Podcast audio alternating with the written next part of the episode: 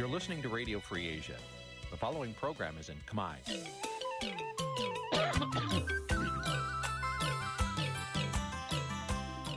នេះជាកម្មវិធីផ្សាយ Vuthu Azizi Serai នេះជាកម្មវិធីផ្សាយរបស់ Vuthu Azizi Serai ជាភាសាខ្មែរ Vuthu Azizi Serai សូមស្វាគមន៍លោកអ្នកនាងទាំងអស់ពីរដ្ឋធានី Washington នៃសហរដ្ឋអាមេរិក បាទខ្ញុំបាទទីនសាករិយាសូមជម្រាបសួរលោកនាងកញ្ញាទាំងអស់ជាទីមេត្រីយើខ្ញុំសូមជូនកម្មវិធីផ្សាយសម្រាប់យប់ថ្ងៃសុក្រនៅ100ខែផលគុណឆ្នាំខាលចត្វាស័កពុទ្ធសករាជ2566ត្រូវនៅថ្ងៃទី17ខែមីនាគ្រិស្តសករាជ2023បាទជាដំបូងនេះសូមអញ្ជើញលោកនាងកញ្ញាស្ដាប់ព័ត៌មានប្រចាំថ្ងៃដែលមានមេត្តាដូចតទៅ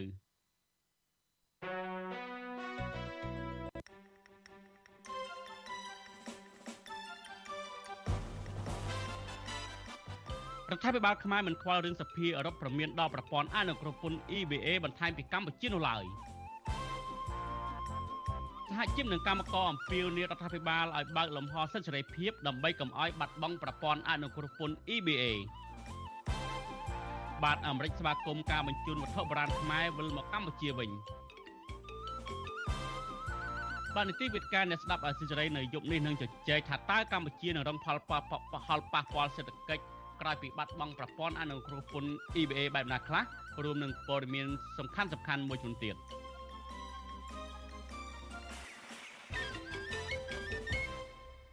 បាទលោកទីមេត្រីជាបន្តទៅនេះខ្ញុំបាទសូមជូនព័ត៌មានពិស្ដារដ្ឋាភិបាលអះអាងថាមិនខ្វល់ចំពោះសេចក្តីសម្រេចរបស់សភាអឺរ៉ុបដែលប្រមានដល់ប្រព័ន្ធអនុគ្រោះពន្ធ EBA បន្ថែមពីកម្ពុជានោះឡើយ។ សភាអឺរ៉ុបកាលពីថ្ងៃទី16មិនិនាម្សិលមិញនេះបានសម្រេចដកប្រព័ន្ធអនុគ្រោះពន្ធគ្រប់មុខទំនិញទាំងអស់លើកលែងតែអាវុធឬហៅកាត់ថា EBA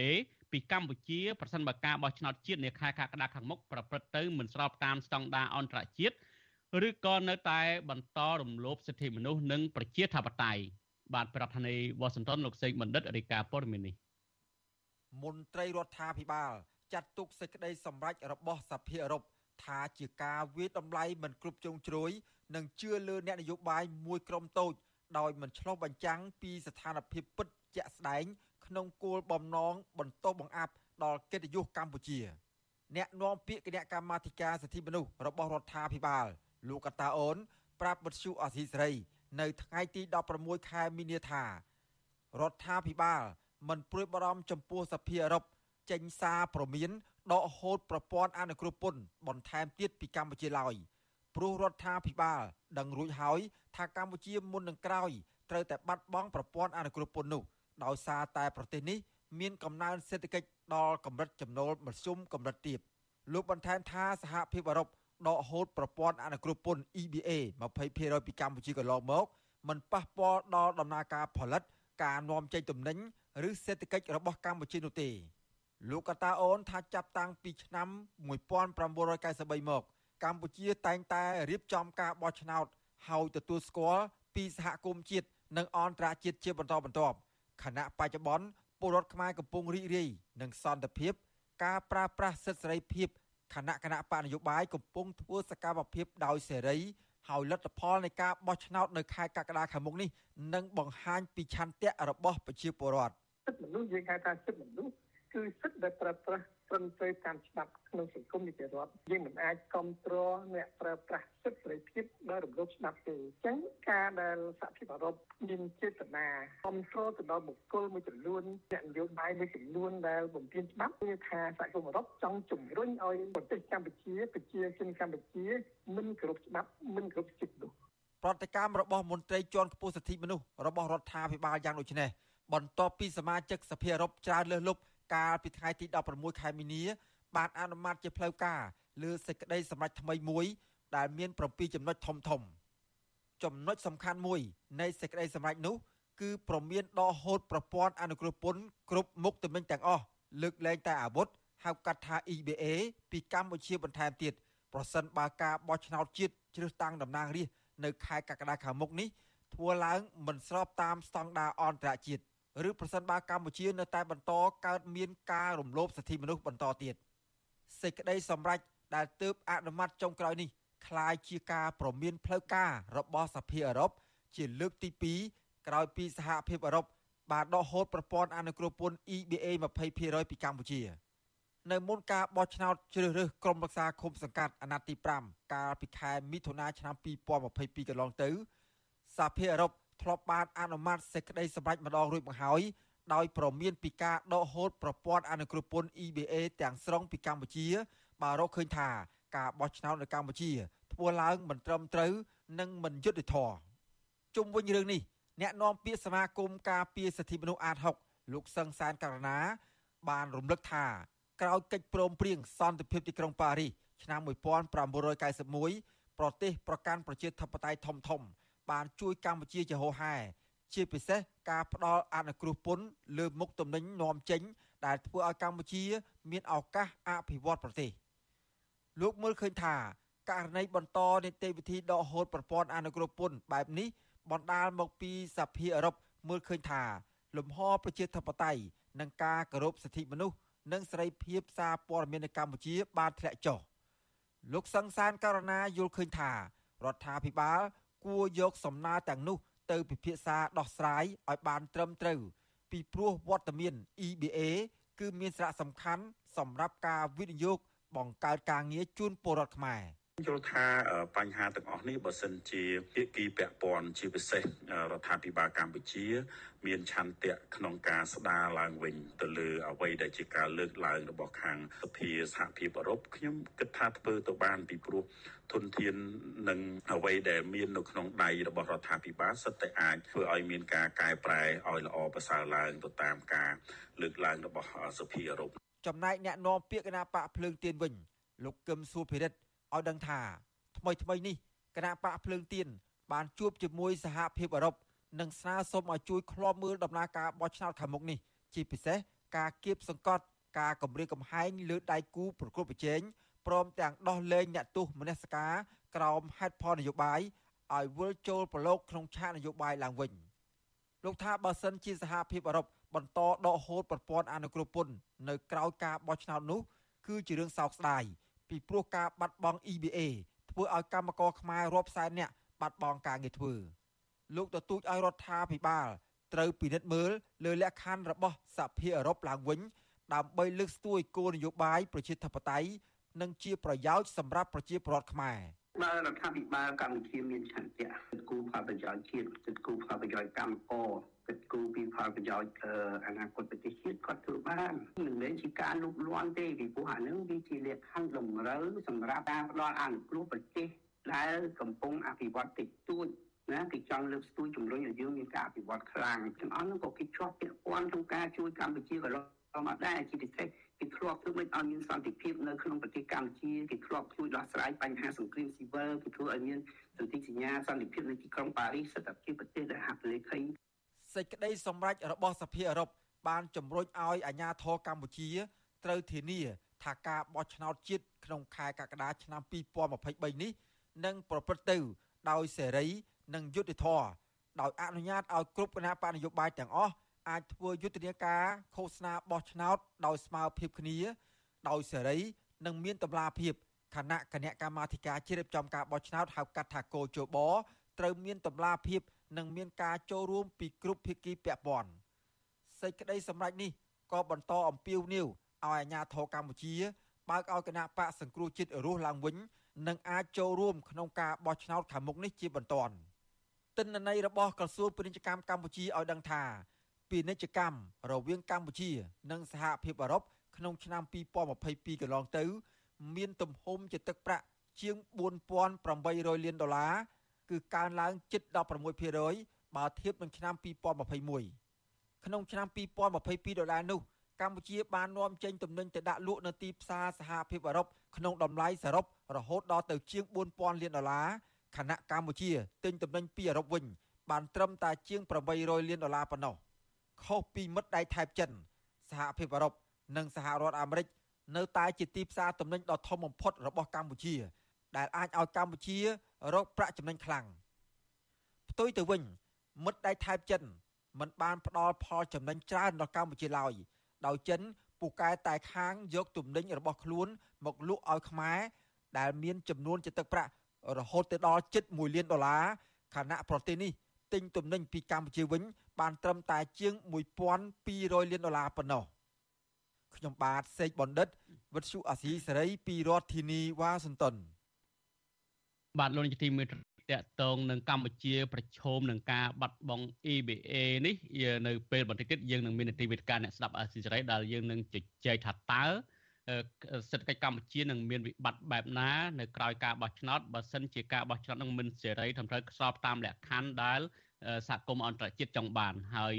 បើសិនជាបាត់បង់មនុស្សវិបត្តិសេដ្ឋកិច្ចនឹងទៅជាយ៉ាងណាបាទលោកនាយកទីមេត្រីតើតើនឹងការប្រជុំបាត់បង់ EBA នេះដែរយើងងាកមកមើលអំពីអ្នកដែលរងផលប៉ះពាល់ផ្ទាល់វិញគឺថាក្រមសហជីពនិងកម្មករអំពីនេះដល់រដ្ឋាភិបាល ឲ្យបើកលំហសិទ្ធិសេរីភាពបញ្ចេញមតិនិងគោរពសិទ្ធិមនុស្សឡើងវិញគណៈសហភាពអឺរ៉ុបប្រមានដកប្រព័ន្ធអនុគ្រោះពន្ធ ABA ពីកម្ពុជាបើសិនជាការបោះឆ្នោតនាពេលខាងមុខនេះមិនសេរីនិងមិនយុត្តិធម៌ពួកគេអះអាងថាសប្តាហ៍នេះគឺពិបាករកការងារធ្វើណាស់ទៅហើយតម្រាំតែដកប្រព័ន្ធអនុគ្រោះពន្ធទៀតជីវភាពរបស់ពួកគាត់កាន់តែយ៉ាប់យ៉ឺនបាទលោកនៅវណ្ណរិនរាយការណ៍ព័ត៌មាននេះ ក្រុមកម្មករនិងសហជីពព្រួយបារម្ភស្រដៀងគ្នាថាការដកប្រព័ន្ធអនុគ្រោះពន្ធ EBA បន្ថែមទៀតនឹងអាចធ្វើឲ្យប៉ះពាល់ដល់ជីវភាពពួកគេធ្ងន់ធ្ងរនិងប្រឈមការបាត់បង់ការងារពួកគេយល់ឃើញថារដ្ឋាភិបាល គួរខ្វះខ្វែងក្នុងការដោះស្រាយបញ្ហានេះដល់ក្រុមកម្មករជាជាងអួតអាងតែនៅមុខកម្មករនោះ តំណាងសហជីពរោងចក្រ Men Orgamen ប្រាប់វិទ្យុអាស៊ីសេរីនៅថ្ងៃទី17មីនានេះថាការដកអនុគ្រោះពន្ធ20%គឺពិបាកសម្រាប់កម្មករណាស់ទៅហើយនៅក្នុងការរកចំណូលចិញ្ចឹមគ្រួសារលោកបន្តថាលោកព្រួយបារម្ភចំពោះអនាគតកូនកូនពីព្រោះបើសិនថាកាយរោងចក្រទាំងអស់បង្វែរការវិនិយោគទៅប្រទេសផ្សេងវិញ លោកក៏ពិបាករកការងារធ្វើដែរដោយសារលោកមានវ័យចំណាស់ហើយនឹងខ្ញុំក៏មានការពីវនាដែរសូម ស្នើឲ្យរដ្ឋាភិបាលផងយើងយាមគោរពនៅសិទ្ធិប្រជាធិបតេយ្យនិងបាត់សិទ្ធិសេរីភាពសម្រាប់អឺគណៈបកនយោបាយជើងជ័យដើម្បីឲ្យខាង បៃអឺរ៉ុបក៏ដូចជាអាមេរិកផ្សេងផ្សេងគេបន្ត EBA មកឲ្យកម្ពុជាយើងវិញនិង GSP ផងដែរអញ្ចឹងខ្ញុំសង្ឃឹមថារដ្ឋាភិបាលយើងយល់នៅគណៈទេសៈដ៏លំបាកលំបិននេះហើយខាងមុខនេះគឺយើងមានការបោះឆ្នោតហើយអញ្ចឹងខ្ញុំជឿជាក់ថារដ្ឋាភិបាលនឹងគោរពនូវសិទ្ធិពេញលេញក្នុងការបញ្ចេញមតិនិងនយោបាយជឿជ័យបាទ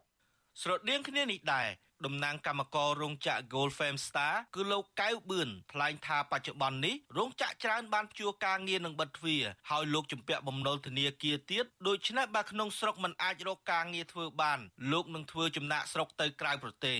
លោកថានេះគឺដោយសារតែកម្ពុជាមិនគោរពសិទ្ធិមនុស្សនិងគំរាមកំហែងលើអ្នកមានមនសិការស្នេហាជាតិ បាទពួកខ្ញុំកណានេះខ្ញុំឆ្លើយទៅរដ្ឋាភិបាលសម្រាប់ឲ្យមានវិការរីករាយគ្នាគូភាគីឬសន្តិវិធីអញ្ចឹងហ្មងសម្រាប់កុំឲ្យមានបញ្ហាអញ្ចឹងតរទៀតតែមួយទៀតតែឆ្លើយទៅរដ្ឋាភិបាលសូមអនុគ្រោះអា GSP ដដែលអញ្ចឹងហ្មងហើយនៅសហភាពអឺរ៉ុបហ្នឹងសូមកុំឲ្យសូមឲ្យប្រតាមទៀតទៅបានច្រើនដូចមុនដដែលអញ្ចឹងណា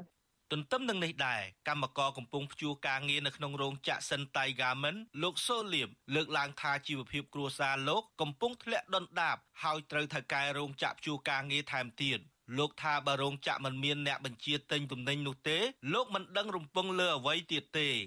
ខ្ញុំបើតាមខ្ញុំចង់ឲ្យយើងចង់ឲ្យសំណាច់ខាងអពុកគាត់ឲ្យយល់តាមគេទទួល ដូចតែថាជុំថាបតៃដើម្បីជាវាដើម្បីអីហ្នឹងដល់ពេលគាត់ដល់ពេលនិយាយមកគាត់ធ្វើអត់ដឹងអត់លឺអញ្ចឹងដល់ពេលអញ្ចឹងទៅគេអាចជិះគាត់ថាគេបិទកន្លែងបិទអីអញ្ចឹងទៅវាអត់មានអ្នកជាទិញអត់មានអីវ៉ាន់នាំទិញទៅក្រៅប្រទេសអញ្ចឹងមកទិញអញ្ចឹងមានពិបាក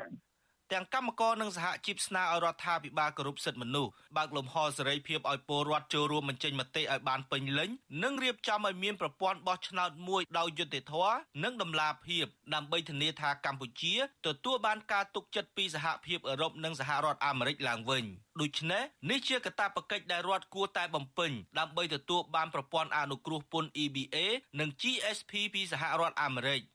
ជុំវិញរឿងនេះប្រធានសហភាពការងារកម្ពុជាលោកអាត់ធុនមានប្រសាសន៍ថាលោកព្រួយបារម្ភចំពោះជីវភាពកម្មករពីព្រោះនៅកម្ពុជាបន្ទាប់ពីវិស័យកសិកម្មគឺពលរដ្ឋរំពឹងលើការងាររោងចក្រដូច្នេះបើរោងចក្របិទទ្វារនិងបដូរទីតាំងរោងចក្រអាចបណ្ដាលឲ្យសេដ្ឋកិច្ចនៅកម្ពុជាដើរថយក្រោយ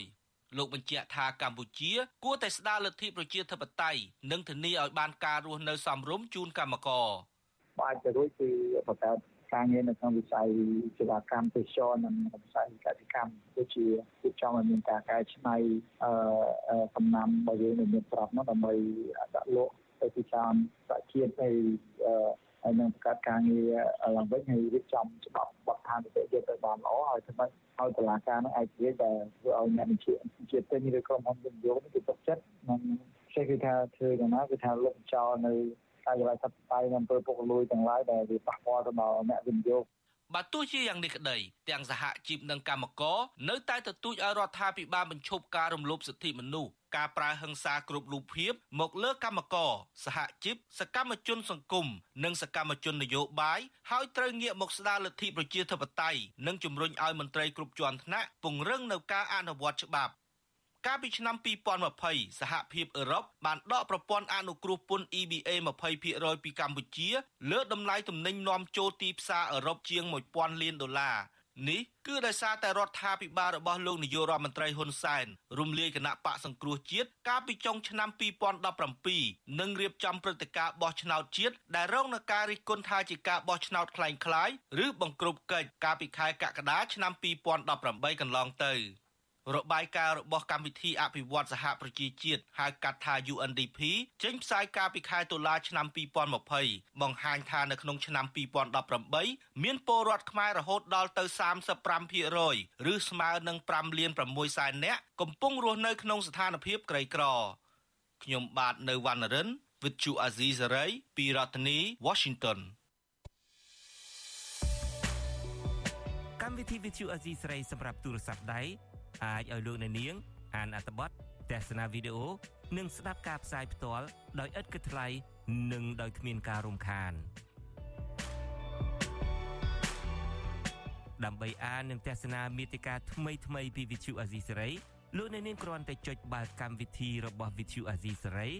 ដែលបានដំឡើងរួចរាល់លើទូរស័ព្ទដៃរបស់លោកអ្នកនាង ប្រសិនបើលោកអ្នកនាងចង់ស្ដាប់ការផ្សាយផ្ទាល់ឬការផ្សាយចាស់ចាស់សូមចុចលើប៊ូតុងរូបវិទ្យុដែលស្ថិតនៅផ្នែកខាងក្រោមនៃកម្មវិធីជាការស្ដាយ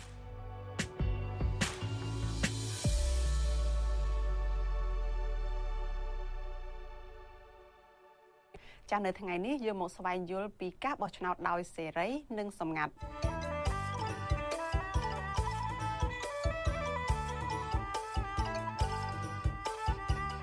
ចាជំរាបសួរលោកអ្នកនាងចាជួបជាមួយនឹងខ្ញុំសុជីវីសាជាថ្មីម្ដងទៀតក្នុងការស្វែងយល់ពីការបោះឆ្នោតចានៅថ្ងៃនេះយើងមកស្វែងយល់ពីការបោះឆ្នោតដោយសេរីនិងសម្ងាត់ចាប់ពាក្យថាការបោះឆ្នោតដោយសេរីនេះគឺជាការបោះឆ្នោតទៅតាមឆន្ទៈទៅតាមការស្រឡាញ់ពេញចិត្តរបស់លោកអ្នកនាងចាដោយគ្មានការបង្ខិតបង្ខំចាគ្មានការទិញសញ្ញាឆ្នោតហើយក៏ជាការបោះឆ្នោតដែលគ្មានអំពើហិង្សាដែរ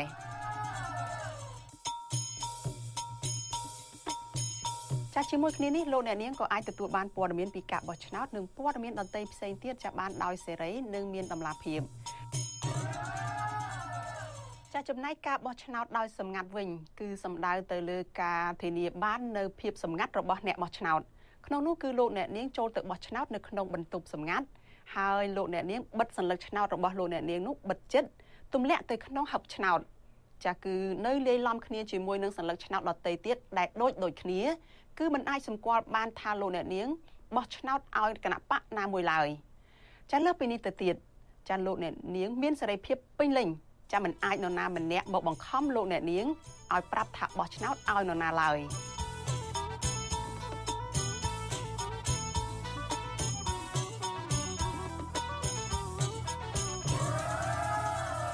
ចាសញ្ញាឆ្នោតសម្ងាត់បែបនេះគឺជាកត្តាចម្បងនៅក្នុងការធានាការបោះឆ្នោតដោយសេរីរបស់លោកអ្នកនាងចាលោកអ្នកនាងនឹងជួបនាងខ្ញុំសុជីវីនៅក្នុងវីដេអូក្រោយទៀតចាប់ពីការស្វែងយល់ពីការបោះឆ្នោតនេះជាបន្តទៅទៀតចានាងខ្ញុំសូមអរគុណនិងសូមជម្រាបលា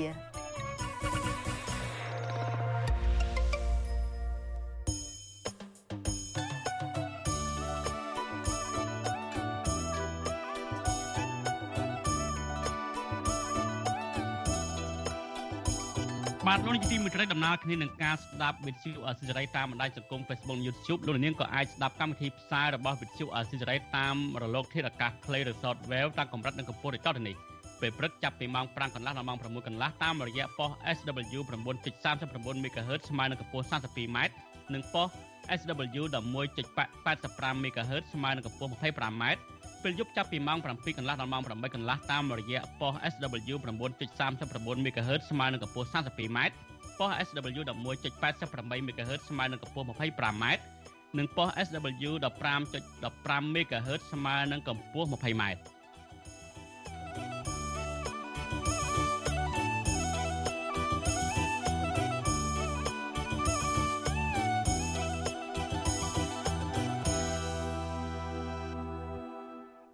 បាទលោកជាទីមេត្រីយើងងាកមកមើលអំពីផែនការផ្ទេរអំណាចរបស់លោកហ៊ុនសែនទៅឲ្យកូនវិញយើងព័ត៌មានដែលយើងទើបតែទទួលបាននៅពេលនេះយើងឃើញថាលោកនាយករដ្ឋមន្ត្រីហ៊ុនសែនបានជួយឲ្យកូនប្រុសច្បងរបស់លោកគឺលោកហ៊ុនម៉ាណែតឲ្យបោះជំហានទៅមុខមួយជំហានទៀតហើយក្នុងផែនការផ្ទេរអំណាចតពូជវងត្រកូលនេះនោះគឺជាការដំឡើងស័កឲ្យលោកហ៊ុនម៉ាណែតឲ្យក្លាយជានាយឧត្តមស្នីឬក៏ផ្កាយ4ព្រះរាជក្រឹត្យចុះថ្ងៃទី17មិនិនា មិនបានបន្ថែមទូនាទីដល់លោកហ៊ុនម៉ាណែតនោះទេ នេះមានន័យថាលោកឡើងស័កប៉ុន្តែបន្តកាន់ប៉ុន្តែបន្តកាន់តំណែងបច្ចុប្បន្នទៅទៀត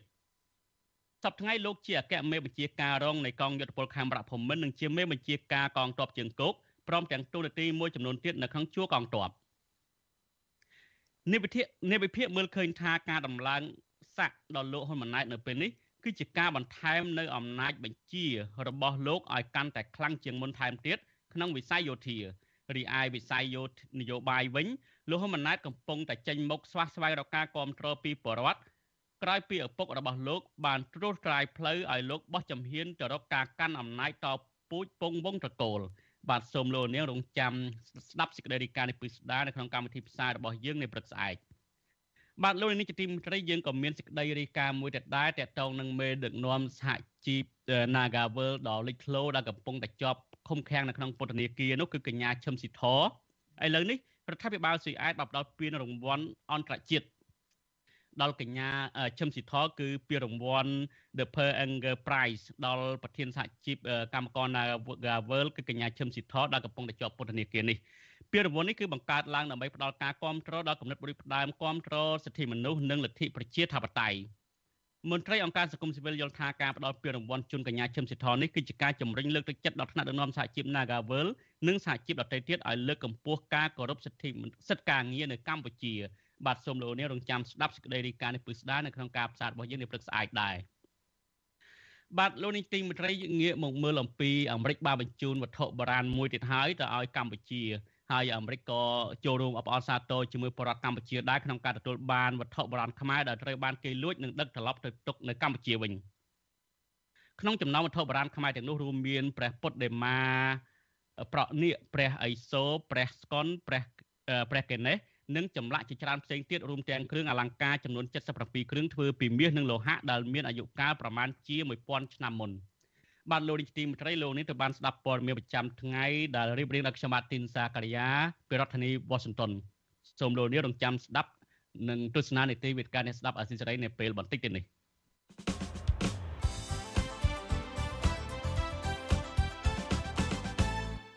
បាទលោកនាយកទីមេត្រីជាបន្តទៅនេះគឺជានីតិវិទ្យាអ្នកស្ដាប់អាស៊ីសេរី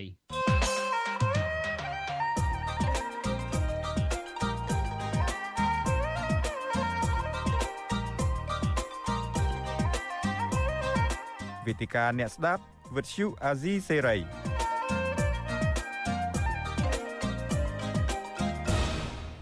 បាទខ្ញុំបាទទីនសាករិយាសូមជម្រាបសួរលោកនាងជាថ្មីម្ដងទៀតនេតិវិទ្យាអ្នកស្ដាប់អសិរ័យយើងនៅពេលនេះគឺយើងមានអ្នកវិភាគនយោបាយគឺលោកបណ្ឌិតសេងសេរី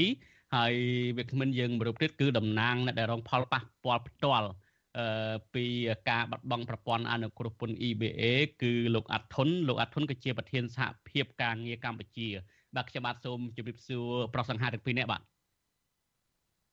ជម្រាបសួរបាទជម្រាបសួរបាទបាទលោកអត់ធនថ្ងៃនេះហាក់បីដូចជាមិនញញឹមសោះស្រាយសោះដោយសារតែលើព័ត៌មានបាត់បង់នៅកម្ពុជាបាត់បង់ EBA ទៅដឹងមកទៅបាទបាទតែយើងលើព័ត៌មាននេះគឺយើងមានការព្រួយបារម្ភបាទបាទ បាទអរគុណច្រើនដែលលោកទាំងពីរបានចូលរួមបាទប្រធានបទសំខាន់ដែលយើងនឹងជជែកនៅពេលថាតើកម្ពុជានឹងរងផលប៉ះពាល់សេដ្ឋកិច្ចបែបណាក្រោយពីបាត់បង់ EBA ពីសហភាពអឺរ៉ុបនោះបាទលោកនាយកទីមេត្រីលោកនាងក៏បានស្ដាប់សេចក្តីរាយការណ៍ហោហែមកហើយដែរតាំងពីអឺយើងចាប់ដើមផ្សាយមកតទៅនឹងរឿងរ៉ាវដែលកម្ពុជាប្រឈមនឹងការបាត់បង់ EBA ហើយខាលពីយប់មិញនេះយប់ម្សិលមិញនេះគឺថាអឺ សាសភាអឺរ៉ុបនឹងគឺបានអនុម័តដល់ប្រព័ន្ធអនុគ្រោះពន្ធ EBA ហើយបើសិនជារដ្ឋាភិបាលកម្ពុជាមិនរៀបចំការបោះឆ្នោតនាខែកក្កដាខាងមុខនឹងមិនស្របតាមស្តង់ដារអន្តរជាតិហើយនឹងបើកលំហសិទ្ធិសេរីភាពជាធិបតេយ្យហើយការដែលសភាអឺរ៉ុបបានអនុម័តនេះគឺភ្ជាប់លក្ខខណ្ឌចំនួន7ក្នុងនោះយើងឃើញលក្ខខណ្ឌសំខាន់សំខាន់ហ្នឹងគឺត្រូវដោះលែងលោកកម្មសខាបើកលំហសិទ្ធិបរដ្ឋនិងនយោបាយហើយនឹងចំណុចទី6ហ្នឹងក៏ បានដាក់អំពីថានឹងដាក់ទណ្ឌកម្មបន្ថែមលើបុគ្គលរបស់រដ្ឋាភិបាលកម្ពុជាថែមទៀតផងបើយើងមើលអំពីទំហំពាណិជ្ជកម្មខ្ញុំសូមសង្ខេបបន្តិចមុននឹងយើងការជជែកគ្នានេះយើងមើលទំហំពាណិជ្ជកម្មរវាងកម្ពុជាទៅកាន់ទីផ្សារអឺរ៉ុបហ្នឹងគឺថាមានទំហំធំធេងណាស់គឺឆ្នាំ2021និង2022ហ្នឹងគឺតួលេខហ្នឹងប្រហាក់ប្រហែលគ្នាគឺថាជិត5000លានដុល្លាររីឯកម្ពុជាទិញទំនិញពីអឺរ៉ុបហ្នឹងគឺប្រមាណជា800លានដុល្លារទេគឺគឺតិចតួចមែនតើដែលដែលដែលអឺរ៉ុប លក់ទំនិញឲ្យកម្ពុជានឹងប៉ុន្តែកម្ពុជាអឺរ៉ុបទិញទំនិញពីកម្ពុជាវិញគឺច្រើនលើសលប់ហើយយើងងាកមួយទៀតប្រទេសសំខាន់មួយទៀតដែលទិញទំនិញពីកម្ពុជាដែរនោះគឺអាមេរិកហើយអាមេរិកហ្នឹងក៏មិនបន្តប្រព័ន្ធអនុគ្រោះពន្ធស្តៀងនឹង EBA ដែរគឺ GSP អឺគឺមិនបន្តតាំងពីឆ្នាំ2020មកបើយើងមើលទំហំរវាងអាមេរិកហើយនិងកម្ពុជាទំហំពាណិជ្ជកម្មហ្នឹងទោះបីយើងមើលឃើញថាលោកហ៊ុនសែនប្រើពាក្យគ្រោកគ្រាតហើយហាក់បីដូចជា ងាកទៅកាន់ចិនមិត្តដៃថែបនឹងបង្កើនសម្ព័ន្ធមិត្តខ្លាំងក្លាយ៉ាងណាក៏ដោយជាមួយចិនប៉ុន្តែមើលអំពីតំណែងតំណងនយោបាយរវាងលោកហ៊ុនសែននិងអាមេរិកហាក់ដូចជាមិនសូវសងតង់គ្នាក៏ប៉ុន្តែផ្ទុយទៅវិញបើយើងមើលពីទំហំពាណិជ្ជកម្មវិញគឺអាមេរិកជួយទិញតំណែងពីកម្ពុជាហ្នឹងគឺទំហំទឹកប្រាក់របាយការណ៍របស់អង្គការសហវិជាតិស្ដីពីពាណិជ្ជកម្មអន្តរជាតិហ្នឹងឆ្នាំ2021ហ្នឹងគឺមានទំហំទឹកប្រាក់ជាង7000លានដុល្លារ យើងយើងឃើញថាអាមេរិកហើយនិងអឺរ៉ុបហ្នឹងគឺគឺជាទីផ្សារដ៏ធំមួយជាទីទីផ្សារដ៏ធំពីរអាមេរិកហើយនិងអឺរ៉ុបនឹងគឺជាទីផ្សារដ៏ធំពីររបស់កម្ពុជាដោយឡែកយើងងាកមើលតួលេខឆ្នាំ2021អឺដូចគ្នាឆ្នាំ2022ដូចគ្នាមិត្តដៃថៃចេញចិនដែលជួយទិញទំនិញពីកម្ពុជាទំហំទឹកប្រាក់តែ1200លានដុល្លារទេអញ្ចឹងយើងឃើញថាទីផ្សារទាំងពីរនេះគឺអាមេរិកនិងអឺរ៉ុបនឹងគឺជាទីផ្សារដ៏សំខាន់របស់កម្ពុជាអញ្ចឹងសំណួរសួរទៅវិញថាបើសិនជាអាមេរិកឬក៏អឺរ៉ុបពេលនេះយើងមើលអឺរ៉ុបបាទអឺរ៉ុបបានចាត់វិធានការជាក់ស្ដែងហើយគឺថានឹងដកប្រព័ន្ធអនុគ្រោះពន្ធនឹងបើសិនជាបាត់បង់មែននៅក្រៅការបោះឆ្នោតលោកអាត់ធុនដែលលោកជាអ្នកតំណាងដែលអ្នករងផលប៉ះពាល់ផ្ទាល់នឹងតើកម្មករនឹងមានវិបត្តិបែបណាទៅបាទសូមចេញបាទអរគុណលោកតាយាហើយជំរាបសួរទៅដល់លោកបណ្ឌិតសេងសេរីនិងបងប្អូន កម្មករយោជិតទាំងអស់បាទអ្វីដែលយើងលើព័ត៌មានស្ដីអំពីការសម្រេចចិត្តចុងក្រោយរបស់សហគមន៍អឺរ៉ុបនោះសភាសហគមន៍អឺរ៉ុបនេះគឺយើងមានការព្រួយបារម្ភខ្លាំងព្រោះបច្ចុប្បន្ននេះគឺយើងដឹងថាវិស័យការងារប្រទេសកម្ពុជារបស់យើងនេះគឺបានទួលនៅការងារក៏ដូចប្រាក់ចំណូលនិងកាត់បន្ថយភាពក្រីក្រក៏ដោយសារតែយើងបានកិច្ចព្រមព្រៀងជាមួយនឹងសហរដ្ឋអាមេរិកនិង ជាមួយសហគមន៍អឺរ៉ុបហ្នឹងមិនថាវិស័យកាត់ដេរកសិកម្មឬក៏ផលិតគ្រឿងអេឡិចត្រូនិកផ្សេងផ្សេងទៀតទេដែលយើងមើលនៅក្នុងរបាយការណ៍ហ្នឹងមានការនាំចេញទៅពីប្រទេសកម្ពុជាហ្នឹងច្រើនមែនទែនដែលបង្កើតការងារហើយបើយើងពិនិត្យមើលគ្រាន់តែវិស័យកាត់ដេរមួយក៏វាបានចូលរួមចំណែកនៅក្នុង GDP នៃប្រទេសនេះជិតដល់20%នោះដែលសហគមន៍អឺរ៉ុបនេះគឺថាបានចូលរួមចំណែកច្រើនមែនទែនដែលកម្មករបច្ចុប្បន្នប្រមាណ ជាង80ម៉ឺននាក់នេះគឺមានអឺលុយឬក៏ថវិកាដែលពីពីខាងកម្មករទទួលបានប្រាក់ខែជាង2000លានដុល្លារហើយដែលលុយនេះគឺវាបានចរន្តសេដ្ឋកិច្ចជួយទៅដល់ប្រទេសកម្ពុជាយើងប្រមាណជិត3លាននាក់ដែលដែលទទួលផលពីវិស័យនេះអញ្ចឹងនៅពេលដែលវិស័យនេះជួបនៅបញ្ហាខ្ញុំបារម្ភខ្លាចតែបញ្ហាទាំងនេះវាវា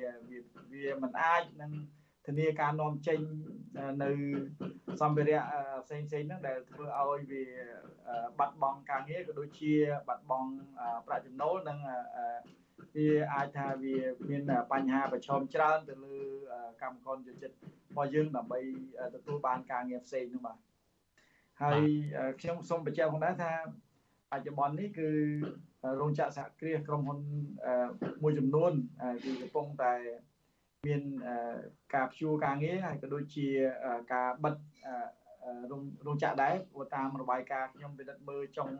ឆ្នាំ2022គឺមានក្រុមហ៊ុនជាង490ក្រុមហ៊ុនជាង ដែលមានកម្មករជិត50000នាក់ដែលរងផលប៉ះពាល់នៅក្នុងនោះវិស័យកាត់ដេរជាង100ក្រុមហ៊ុនដែលមានកម្មករជាង30000នាក់គឺថាវាធំមែនទែនហើយគ្រាន់តែនៅត្រឹមខែ3នេះដើមខែ3ចុងខែ2នេះគឺយើងដឹងហើយថាមានក្រុមហ៊ុន ព្យួរការងារប្រមាណជាង71ក្រុមហ៊ុន ដែលមានកម្មករជាង30000នាក់ទៀតនេះគឺមិនរាប់បញ្ចូលក្រុមហ៊ុនបានបិទទ្វារហើយរបាយការណ៍នេះខ្ញុំគិតថាជារបាយការណ៍មួយដែលក្រសួងការងារបានស្រង់តែក្រុមហ៊ុនធំធំទេបើយើងពិនិត្យមើលក្រុមហ៊ុនតូចតូចផ្សេងទៀតគឺមានច្រើនទៀតដែលមិនបានចុះបញ្ជីត្រឹមត្រូវហើយមានការគ្រប់គ្រងជាផ្នែកអាចថាជា sub contract តូចតូចហ្នឹងគឺថាមិនមិន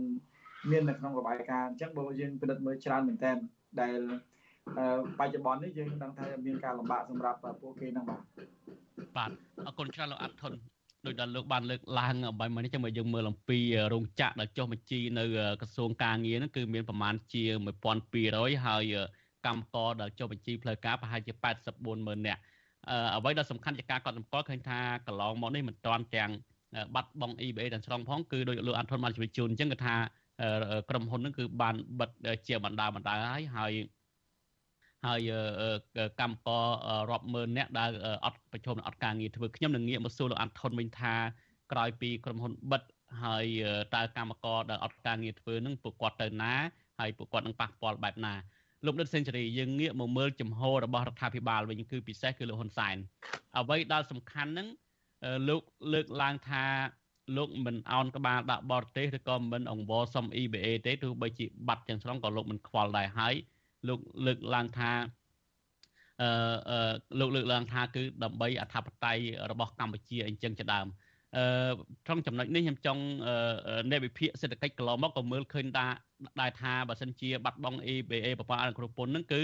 កម្ពុជានឹងប្រឈមលំបាកប៉ុន្តែលោកហ៊ុនសែនអះអាងថារដ្ឋាភិបាលរបស់លោកនៅតែដំណើរការទៅបានខ្ញុំចង់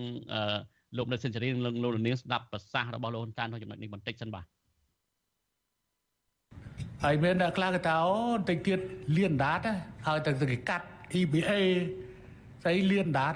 ចាំតែលៀនដាតព្រោះនេះអត់មានយកពី EBA មកទេអត់មានយកពីអានាំចេញនាំចូលអារឿងសម្លៀកបំពាក់ស្អីស្អីរឿងទេអត់ទេអត់ទេចំណូលពួនកយរបស់យើង បានមកពីការនាំចូលហើយក្នុងនឹងរឿងដែលគួរឲ្យចម្លែកពីមុន33%បានមកពីរថយន្តនិងម៉ូតូ30%ជាង30%បានមកពីប្រេងឥន្ធនៈនិង30%ទៀតបានមកពីទំនិញចម្រុះប៉ុន្តែឆ្នាំនេះរឿងដែលគួរឲ្យចម្លែក52%បានមកពីការនាំចូលឡាននិងរថនិងម៉ូតូបាទ លោកដិតសេនស៊ូរីប្រកាសណាស់គឺលោកហ៊ុនសែនមិនលៀនអណ្ដានអត់ទេទោះបីជាអ៊ីរົບកាត់ប្រព័ន្ធនៅគ្រប់ពន្ធ ABA នឹងស្រង់ក៏ដោយគឺរដ្ឋាភិបាលរបស់លោកគឺរូបគ្រូសាក្រុមបពពួកនេះមានអំណាចនឹងមិនលៀនអណ្ដាតទេប៉ុន្តែផ្ទុយទៅវិញតើអ្នកដែលលៀនអណ្ដាតពិតប្រាកដនឹងគឺជាអ្នកណាទៅបាទបើសិនជាកាត់មែននោះបាទបាទសូមជម្រាបសួរប្រិយមិត្តអស៊ីសេរីហើយលោកសាកាយាហើយនិងលោកអាតុនបាទជម្រាបសួរជាជាសំណួរល្អហើយត្រង់ ក៏ប៉ុន្តែមុនមុននឹងឆ្លើយថាតើនរណាអ្នកប៉ះពាល់ខ្ញុំគិតថាខ្ញុំចង់ផ្ដល់នៅទិន្នន័យជាលក្ខណៈទូលេខជាស្ថិតិមួយចំនួនដើម្បីឲ្យបងប្អូនអ្នកស្ដាប់អាចទទួលបានព័ត៌មានហើយមុននឹងយើងចូលរួមឆ្លើយទាំងអស់គ្នាថាតើណាជាអ្នកនៀនលៀនដាតឲ្យពិតប្រាកដបាទបើយើងមើលទំហំពាណិជ្ជកម្មរបស់កម្ពុជា មានទំហំប្រមាណជា52,000លានសរុបទាំងអស់ បាទនាំចេញនាំចូលហើយបើយើងមើលការនាំចូលវាធំជាងការនាំចេញ ការនាំចូលរបស់យើងប្រមាណជា30,000លានហើយការនាំចេញរបស់យើងប្រមាណជា22,000លានចឹងហើយដោយអ្វីដែលលោកយុរ៉ាន់រៃហ៊ុនសែនលើកឡើងគឺ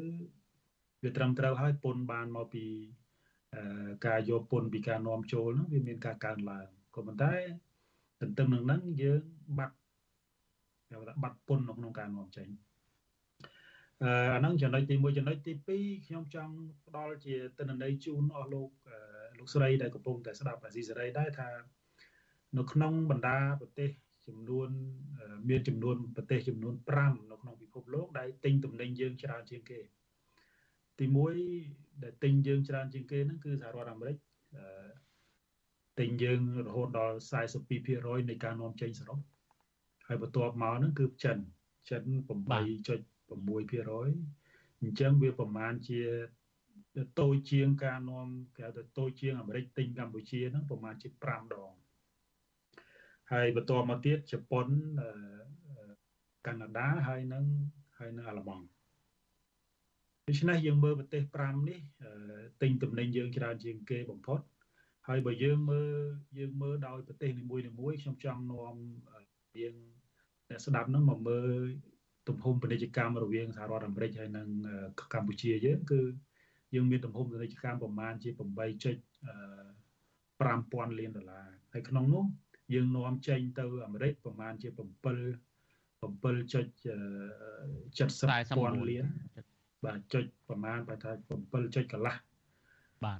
7000លានកន្លះក៏ប៉ុន្តែយើងនាំចូលពីអាមេរិកមកវិញតែតែ179លាននេះ អញ្ចឹងយើងនាំចេញហ្នឹងធំមែនតើហើយនាំចូលតិចមែនតើបើយើងក៏លេខមើលចិនក៏លេខមើលទំហំពាណិជ្ជកម្មកម្ពុជាចិនមានទំហំប្រមាណជា14000លានធំជាងអាមេរិកទំហំពាណិជ្ជកម្មកម្ពុជាក៏ប៉ុន្តែយើងនាំចូលពីចិនហ្នឹងប្រមាណជា10,000លានហើយយើងនាំចេញទៅបានតែ1.5000លានទេអញ្ចឹងមានន័យថាយើងនាំចូលហ្នឹងធំជាងការនាំចេញទៅចិនហ្នឹងប្រមាណជា8ដងអញ្ចឹងហើយ សារលបងពិចារណាមើលថាតើការនាំចូលនិងការនាំចេញហ្នឹងមួយណាចំណេញជាងបើយើងនិយាយអំពីបើយើងនិយាយអំពីប្រព័ន្ធអនុគ្រោះពន្ធយើងឃើញថាឥឡូវនេះមានបើយើងនិយាយពីយើងបាត់ប្រព័ន្ធអនុគ្រោះពន្ធហ្នឹងយើងបាត់ GSP របស់សហរដ្ឋអាមេរិកតាំងពីឆ្នាំ2019មកទំហំសាច់ប្រាក់មិនធំប្រមាណទេប្រមាណជា170 178លានបាទប្រមាណប៉ុណ្្នឹងហើយបាទ GSP ប្រមាណជា180លានបាទហើយបើយើងនិយាយពី EBA កំពុងតែយើងនឹងកំពុងតែជជែកគ្នានេះតាមពិតយើងបាត់អស់20%ហើយយើងបាត់ប្រមាណជា120លានហើយ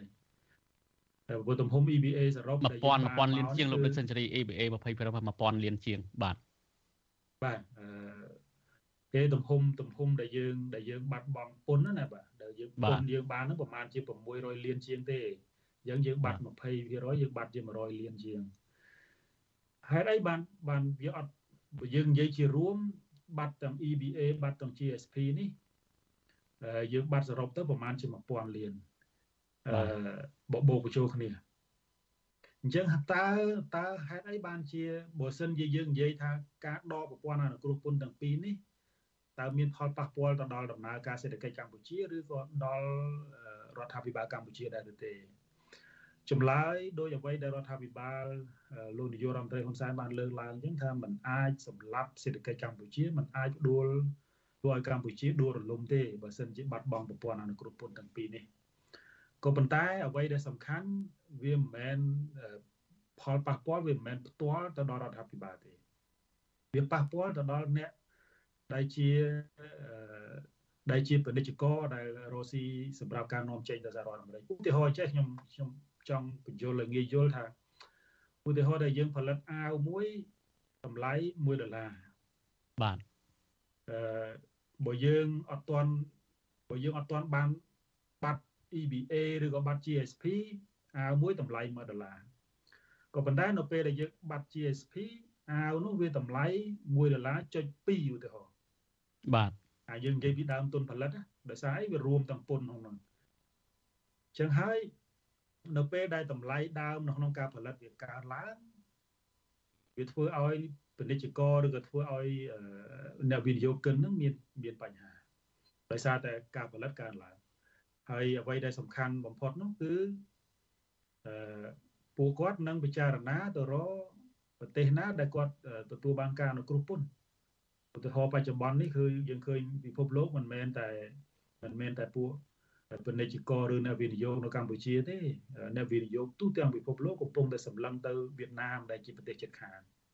បាទហើយចង់ឆ្លើយទៅនឹងអ្វីដែលលោកសារការិយាសួរខ្ញុំគឺបើយើងនិយាយពីប្រព័ន្ធទាំងពីរនេះគឺប៉ះពាល់មនុស្សប្រហែលជាដោយលោកអាត់ធុនលើកឡើងយើងប្រហែលជា70ម៉ឺនទៅ80ម៉ឺននាក់ហើយនេះមិនទាន់រាប់ទាំងអ្នកដែលរត់ ចេញពីក្រៅស្រុកយើងរាប់ថាប្រហែលជាដោយសារការប៉ះពាល់នៃវិបត្តិសេដ្ឋកិច្ចឬក៏ដោយសារការមិនមានការងារធ្វើនៅកម្ពុជាយើងឃើញចំណាកស្រុកកម្ពុជានៅក្រៅប្រទេសហ្នឹងរាប់ជាតួលេខគត់ទេប្រហែលជា2.5លាន2លានកន្លះហើយបើសិនជាយើងមើល EBA ឬ GSP យើងជួបបញ្ហាប្រហែលជា70ម៉ឺនអ្នកទៀតអញ្ចឹងហើយបញ្ហាដែលចម្បងដែលកើតឡើងហ្នឹងគឺទំហំនៃចំណាកស្រុកហ្នឹងកើនឡើងបន្ថែមទៀតដែរគឺអាចនឹងទៅប្រទេសថៃហើយបើសិនជាក្នុងករណីនេះបដែតបដោយទៀតខ្ញុំថាបាតុភូតថ្មីនឹងកើតឡើង គឺចំណាកស្រុកកម្ពុជានឹងថ្ងៃណាមួយឆាប់ឆាប់នឹងទៅចំណាកស្រុកទៅធ្វើការនៅប្រទេសវៀតណាមដោយសារតែរោងចក្រឬក៏ដោយសារតែ បណ្ដាប្រទេសអ្នកវិនិយោគិនមួយចំនួនហ្នឹងបានសម្លឹងទៅប្រទេសវៀតណាមហើយ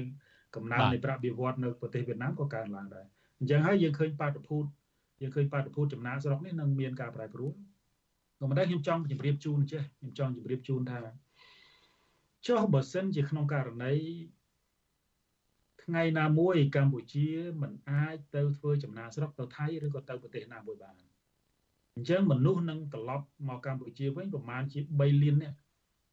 បាទហើយប្រមាណជា3លាននាក់នេះគឺជាមនុស្សដែលមិនមានការងារធ្វើឧទាហរណ៍ថាថៃមានវិបត្តិសេដ្ឋកិច្ចថ្ងៃណាណាខ្ញុំមិន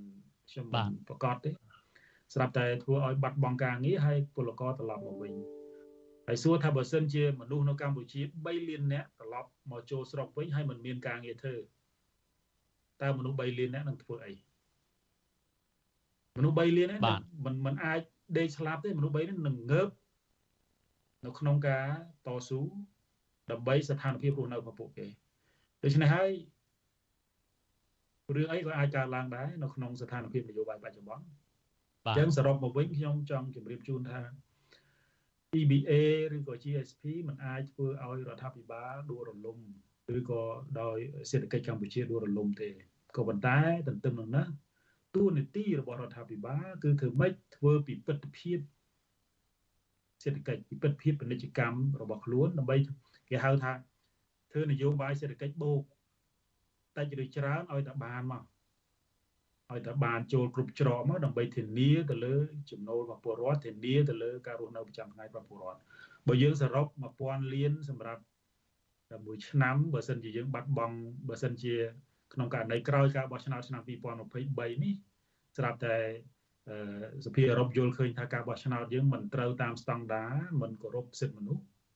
អញ្ចឹងហើយយើងនឹងបាត់បង់ EBA ទាំងស្រុងហើយនឹង GSP ថែមនឹងយើងសរុបជួយតួលេខគត់1000លានហើយ1000លាននេះ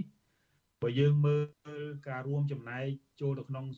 ក្នុងសេដ្ឋកិច្ចកម្ពុជាវាប្រមាណជា3%ដែរបាទ ដូច្នេះវាជាទំហំធំណាស់សម្រាប់ប្រទេសជាតិទាំងមូល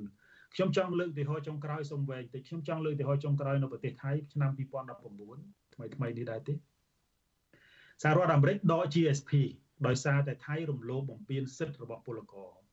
មិនរក្សាស្តង់ដារនៅក្នុងការរស់នៅរបស់ពលករចំណាកស្រុករំលោភបំពានមានការអឺសម្លាប់ឬក៏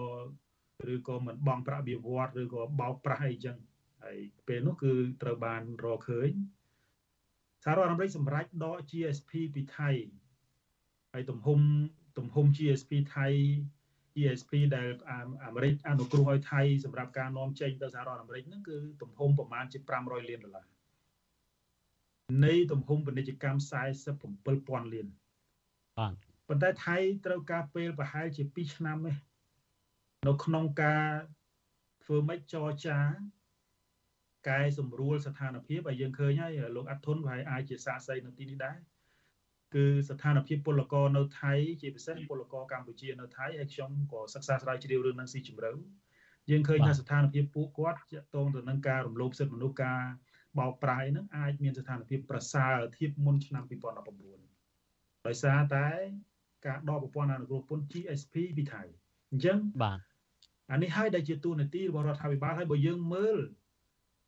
500លានដុល្លារបើធៀបជាមួយនឹងទំហំសេដ្ឋកិច្ចថៃវាតូចមែនតើ0.001ក៏ប៉ុន្តែ500លានដុល្លារវាមានសារៈសំខាន់ណាស់សម្រាប់ពាណិជ្ជករដែលជាពិសេសធ្វើការនៅក្នុងវិស័យអឺវិស័យគ្រឿងសមុទ្រវិស័យនេសាទដែលដែលថៃជាប្រទេសលេខ2ហើយនាំចេញគ្រឿងសមុទ្រទៅក្នុងពិភពលោកជាពិសេសទៅសហរដ្ឋអាមេរិកដូច្នេះហើយខ្ញុំចង់បញ្ជាក់ឡើងវិញថា យើងអាចនិយាយតាមបែបខែងរែងបានថាវាមិនវាមិនធ្វើឲ្យរដ្ឋាភិបាលដួលទេក៏ប៉ុន្តែព្រោះយើងនិយាយពីទំហំសាច់ប្រាក់តិចឬច្រើនវានឹងមានផលប៉ះពាល់ទៅដល់ដំណើរការសេដ្ឋកិច្ចហើយជាពិសេសជីវភាពរស់នៅរបស់ពលរដ្ឋបាទបាទអរគុណច្រើនលោកដិតសេនស៊ូរីដែលបានពន្យល់រៀបរាប់យ៉ាងក្បោះក្បាយអំពីបញ្ហាសេដ្ឋកិច្ចនេះ បាទលោកនាយកទីមេត្រីយើងនឹងផ្សាយបន្តរហូតដល់ម៉ោង8:30នាទីយើងនឹងបិទបញ្ចប់ការចែកវិភាសានេះហើយបើសិនលោកនេះមានសំណួរចង់សួរមកខមមិនរបស់យើងសូមដាក់លេខទូរស័ព្ទក្នុងក្នុងខមមិនដែលយើងពងផ្សាយផ្ទាល់នេះដោយលោកដិនសេរីបានមានប្រសាសន៍ហើយអ្នកជំនាញសេដ្ឋកិច្ចមួយរូបដែរគឺលោកសំរងស៊ីកន្លងបានលើកឡើងថាបើសិនជាលោកហ៊ុនសែនមិនកែប្រែអរិយាប័ត្រដឹកនាំទេបរដ្ឋកម្ពុជានឹងខ្លាចជាទេសកលបរទេសហើយយើងមិនឆ្ងល់ទេថាហេតុអីបានជាលោកហ៊ុនសែនមិនព្រមស្ដារមុខមាត់ហ្នឹងគឺថា អ្នកវិភាគទូទៅរួមទាំងលោកដិតសេនស៊ូរីខ្លួនឯងផងក៏មើលឃើញថាទិសដៅសំខាន់ហ្នឹងគឺលោកហ៊ុនសែនភ័យខ្លាចការបាត់បង់អំណាចគឺមិនសម្រេចផែនការផ្ទេរអំណាចទៅឲ្យកូនរបស់លោកជាដើមលោកដិតសេនស៊ូរីបានលើកពីវៀតណាមវៀតណាមគឺមានកិច្ចព្រមព្រៀងមួយគឺហៅថា FTA គឺកិច្ចព្រមព្រៀងអនុគ្រោះពន្ធហើយឥឡូវហ្នឹងគឺអាមេរិកក៏បោះទុនវិនិយោគទៅវៀតណាមក៏ច្រើនហើយលោកនៅសេនជូរីថាកម្មករខ្មែរយើងនឹងអាចទៅធ្វើជាកម្មករវៀតណាមស្របពេលហើយវៀតណាមកំពុងតែ មកវិនិយោគលើដីនៅកម្ពុជានឹងគឺរាប់សែនហិកតាហើយមកគ្រប់គ្រងលើបរដ្ឋកម្ពុជាធ្វើជាតកែនៅកម្ពុជាថែមទៀតដោយសារឥឡូវនេះយើងមានភ្ញៀវយើងមួយរូបមកពីអូទ្រីសអ្នកស្ដាប់យើងមួយរូបមកពីអូទ្រីសសូមលោកឈ្មោះកូណាបាទសូមចេញដាក់ជាសំណួរបាទសូមចេញបាទអឡូជម្រាបសួរបាទខ្ញុំឈ្មោះកុងណាពីទេអូទ្រីសបាទបាទជំរាបសួរបាទលោកកុងណាបាទបាទអឺខ្ញុំចង់បញ្ចេញមតិបន្តិចបាទខ្ញុំ ចង់បញ្ចេញមតិពីរឿងផលប៉ះពាល់ពី CBA បាទខ្ញុំចង់បញ្ចេញមតិបាទខ្ញុំបាទសូមចេញសូមបាទ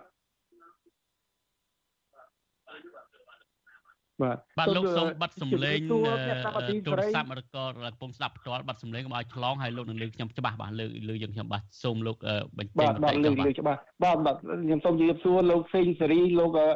លោកអត់ធននិងនិងអ្នកស្ដាប់អស៊ីសេរីទាំងអស់និងអ្នកធ្វើការអស៊ីសេរីបាទខ្ញុំ សូមបញ្ចេញមតិសួរបាទបាទបាទលឺបាទខ្ញុំចង់បញ្ចេញមតិថាលោកច្បាស់បាទសូមចេញលោកបាទខ្ញុំលឺលោកច្បាស់បាទសូមចេញដល់សង្ខេបបាទខ្ញុំសូមបាទខ្ញុំសូមបញ្ចេញមតិជាខ្ញុំមើលឃើញផលប៉ះពាល់នៅពេលសហភាពអឺរ៉ុបដែលគេដកប្រព័ន្ធ EBA 100%នឹងឃើញផលប៉ះពាល់ដល់សេដ្ឋកិច្ចខ្មែរនឹងមានវិបត្តិសង្គមយ៉ាងធ្ងន់ធ្ងរបាទមិនមែន មិនមែនតែអត់ប៉ះពាល់ទេទាំងទាំងគ្រួសារកម្មករទាំងអ្នករកស៊ីអ្នកជួផ្ទះអ្នកលក់ដូរជុំវិញកម្មករនឹងមានផលប៉ះពាល់ធ្ងន់ធ្ងរហើយនឹងធនាគារខ្មែរទៀតដែលពួកកម្មករបានខ្ចីលុយហ្នឹងខ្ចីលុយពួកគាត់នឹងមានផលប៉ះពាល់អស់ដូច្នេះខ្ញុំមើលឃើញដល់ពេលគេដក100%ពេលហ្នឹងមិនដឹងថាបាទបាទលោកមានអ្វីបន្ថែមទៀតទេបាទ បាទអរគុណលោកកុងណាដោយសារយើងពិបាកស្ដាប់គ្នាបន្តិចបាទខ្ញុំចង់ងាកទៅលោកអាត់ធុនវិញលោកអាត់ធុនបើយើងមើលអំពីផលប៉ះពាល់ហើយពិសេសការដែលបាត់បងដែលរោងចក្របិទមួយចំនួនកន្លងមកដែលមានកម្មកររាប់ម៉ឺននាក់ដែលអត់ការងារធ្វើនឹងតើពួកគាត់ប៉ះពាល់បែបណាហើយពួកគាត់ទៅធ្វើអីវិញឥឡូវលោកអាត់ធុនបាទបាទបើសិនយើងមើលជាក់ស្ដែងពេលបច្ចុប្បន្ននៅពេលដែលគាត់បាត់បង់ការងារ មានន័យថាគាត់បាត់បង់ប្រាក់ចំណូលហើយអ្វីដែលរឿងប្រឈមសំខាន់ហ្នឹងគឺគាត់អឺពិបាកនៅក្នុងការរកថវិកាដើម្បីផ្គត់ផ្គង់ជីវភាពរបស់គាត់ហើយនឹងតម្រូវការសង្គមផ្សេងផ្សេងរួមទាំងបង់ធនាគារផងហើយគាត់បានបន្តស្វែងរកការងារនៅក្នុងវិស័យកាត់ដេរហ្នឹងព្រោះយើងនៅឃើញមានរោងចក្រមួយចំនួនបើក នៅជារាជធានីភ្នំពេញឬក៏បើកនៅខេត្តមួយចំនួនហ្នឹងគឺថាដោយសារការបិទចេញពីរាជធានីភ្នំពេញទៅហ្នឹងដោយសារនយោជកមួយចំនួនគាត់មិនមែនបិទដោយសារមិនមាននីវ៉ាន់ដេទេគឺថាបិទដោយដោយកំណត់ទុច្ចរិតតែមិនចង់ទទួលខុសត្រូវផ្លូវច្បាប់ប៉ុន្តែមួយចំនួនទៀតគឺថាបិទដោយសារមិនមាននីវ៉ាន់ដេហ្នឹងហើយពួកគាត់អាចនឹងទៅរកការងារខ្លះនៅកន្លែងដែលរោងចក្រថ្មីថ្មីនោះ ប៉ុន្តែគាត់ថានៅពេលដែលទំហំអ្នកដែលបាត់បង់ការងារនឹងច្រើនហើយអ្នកដែលត្រូវទទួលបានការងារនោះតិចអញ្ចឹងអ្នកដែលមានជំនាញតិចតួចពិបាករកការងារមែនទែនហើយនៅក្នុងនោះទៀតសោតគឺកម្មករមួយចំនួនប្រឹងទៅធ្វើការនៅក្រុមហ៊ុន subcontract ឬក៏អាចគេនិយាយថាដេស៊ីថ្ងៃនៅតាមកន្លែងដែលគេបើកជាកន្លែងទូចទូចដែលមិនមានច្បាប់ទម្លាប់ដែលមិនមានការងារទទួលខុសត្រូវផ្លូវច្បាប់និងប្រព័ន្ធសន្តិសុខសង្គមហ្នឹងមួយចំនួនទៀត មួយចំនួនធំហ្នឹងគឺយើងឃើញថាគាត់ព្យាយាមមករកនៅវិស័យឧស្សាហកម្មសំដៅវិស័យផ្សេងទៀតជាក់ស្ដែងដូចជាផ្នែកសេវាកម្មកំសាន្តផ្សេងផ្សេងគឺយើងឃើញថាមានការមករកការងារនៅវិស័យហ្នឹងហើយមួយចំនួនទៀតគឺទៅផ្ទះប្រហែលជាបងប្អូនអ្នកដែលមានបងប្អូននៅជនបទដឹងថាដូចរយៈនេះគឺថាមានឃើញកម្មករនៅតាមជនបទវិញនៅនៅតាម ផ្ទះមួយចំនួននៅពេលដែលគាត់ឈប់រងចាំការងារឬក៏គាត់ជួការងារឬក៏អ្នកខ្លះបាត់បង់ការងារតែម្ដងតែមិនទាន់គាត់មិនទាន់ទៅរកការងារអ្វីបានហើយរយៈពេលខ្លីខ្ញុំគិតថាពួកគាត់អាចនៅបន្តទ្រាំហើយឬក៏ដោះស្រាយបញ្ហាដែលគាត់មានទីទួចប៉ុន្តែរយៈពេលវែងគឺខ្ញុំគិតថាគាត់ប្រហែលជាមានការលំបាកច្រើនព្រោះដូចខ្ញុំដឹងដូចយើងដឹងថាការហូបចុក តម្រូវការសង្គមនិងការបង់ទៅលើមីក្រូរ៉ាញ់ថោឬក៏ធនាគារផ្សេងៗនេះគឺជាកាតព្វកិច្ចដែលគាត់មិនអាចមិនធ្វើបានទេបើผมដូចឆ្នោះគាត់អាចនឹងគេត្រូវអបរឹបអស់ទ្រព្យសម្បត្តិឬក៏សម្ភារៈផ្សេងៗទៀតច្រើនណាបាទអរគុណច្រើនលោកអាត់ថុនលោកដិតសេនស៊ូរីបើយើងមើលអំពីផលប៉ះពាល់ពីប្រព័ន្ធអនុគ្រោះពន្ធ EBA នេះ មិនមែនប៉ះពាល់តែកម្ពុជាតែឯងនោះទេគឺមិត្តដៃថៃរបស់កម្ពុជាគឺចិនហ្នឹងក៏រងផលប៉ះពាល់ដែរពិសេសលោកអាត់ថុនក៏ដឹងច្បាស់ដែរថាវត្ថុធាតុដើមភាគច្រើនដែលយកមកផលិតនៅកម្ពុជាហើយបញ្ជូនមកកាន់ទីផ្សារអឺរ៉ុបទីផ្សារអាមេរិកទីផ្សារប្រទេសផ្សេងទៀតហ្នឹងគឺយកមកពីចិនបើក្នុងករណីស្ថានភាពចិនក៏ប៉ះពាល់ដែរនេះតើចិននឹងមានអធិបុលបែបណាសម្រាប់ស្ថានភាពនៅកម្ពុជាបច្ចុប្បន្ននេះលោកដិនសេនស៊ូរីបាទ យើងមើលទំហំសេដ្ឋកិច្ចចិនហ្នឹងវាធំណាស់លំដាប់លេខ2នៅក្នុងពិភពលោកបន្ទាប់ពីសហរដ្ឋអាមេរិកហើយបើយើងមើលការនាំចូលរបស់កម្ពុជាពីចិនហ្នឹងគឺប្រហែលជាអឺ10,000លានដុល្លារហ្នឹងគឺបើធៀបនឹងទំហំសេដ្ឋកិច្ចរបស់ចិនហ្នឹងតូចណាចឹងហើយទោះបីជាកម្ពុជាមិននាំចូលសោះក៏ដោយក៏មិនមានអីទៅប៉ះពាល់ដល់ចិនដែរលើកលែងតែ ប្រទេសផ្សេងផ្សេងទៀតដែលជាប្រភពគុតគង់របស់មានន័យថាអ្នកទិញរបស់ចិនហ្នឹងយកទិញវត្ថុធាតុដើមពីចិនហ្នឹងយកមកផលិតហ្នឹងអាចមានផលប៉ះពាល់ធំនៅក្នុងករណីមានវិបត្តិសេដ្ឋកិច្ចក្នុងពិភពលោកឲ្យជាដើមប៉ុន្តែខ្ញុំមើលឃើញថាផលប៉ះពាល់សំខាន់បំផុតហ្នឹងគឺប៉ះពាល់ទៅលើកម្ពុជាទាំងមូលហ្នឹងតែម្ដងជាពិសេសពលរដ្ឋហើយយើងដឹងហើយថាពលរដ្ឋរាល់ថ្ងៃនេះគាត់មានអំរែកច្រើនណាស់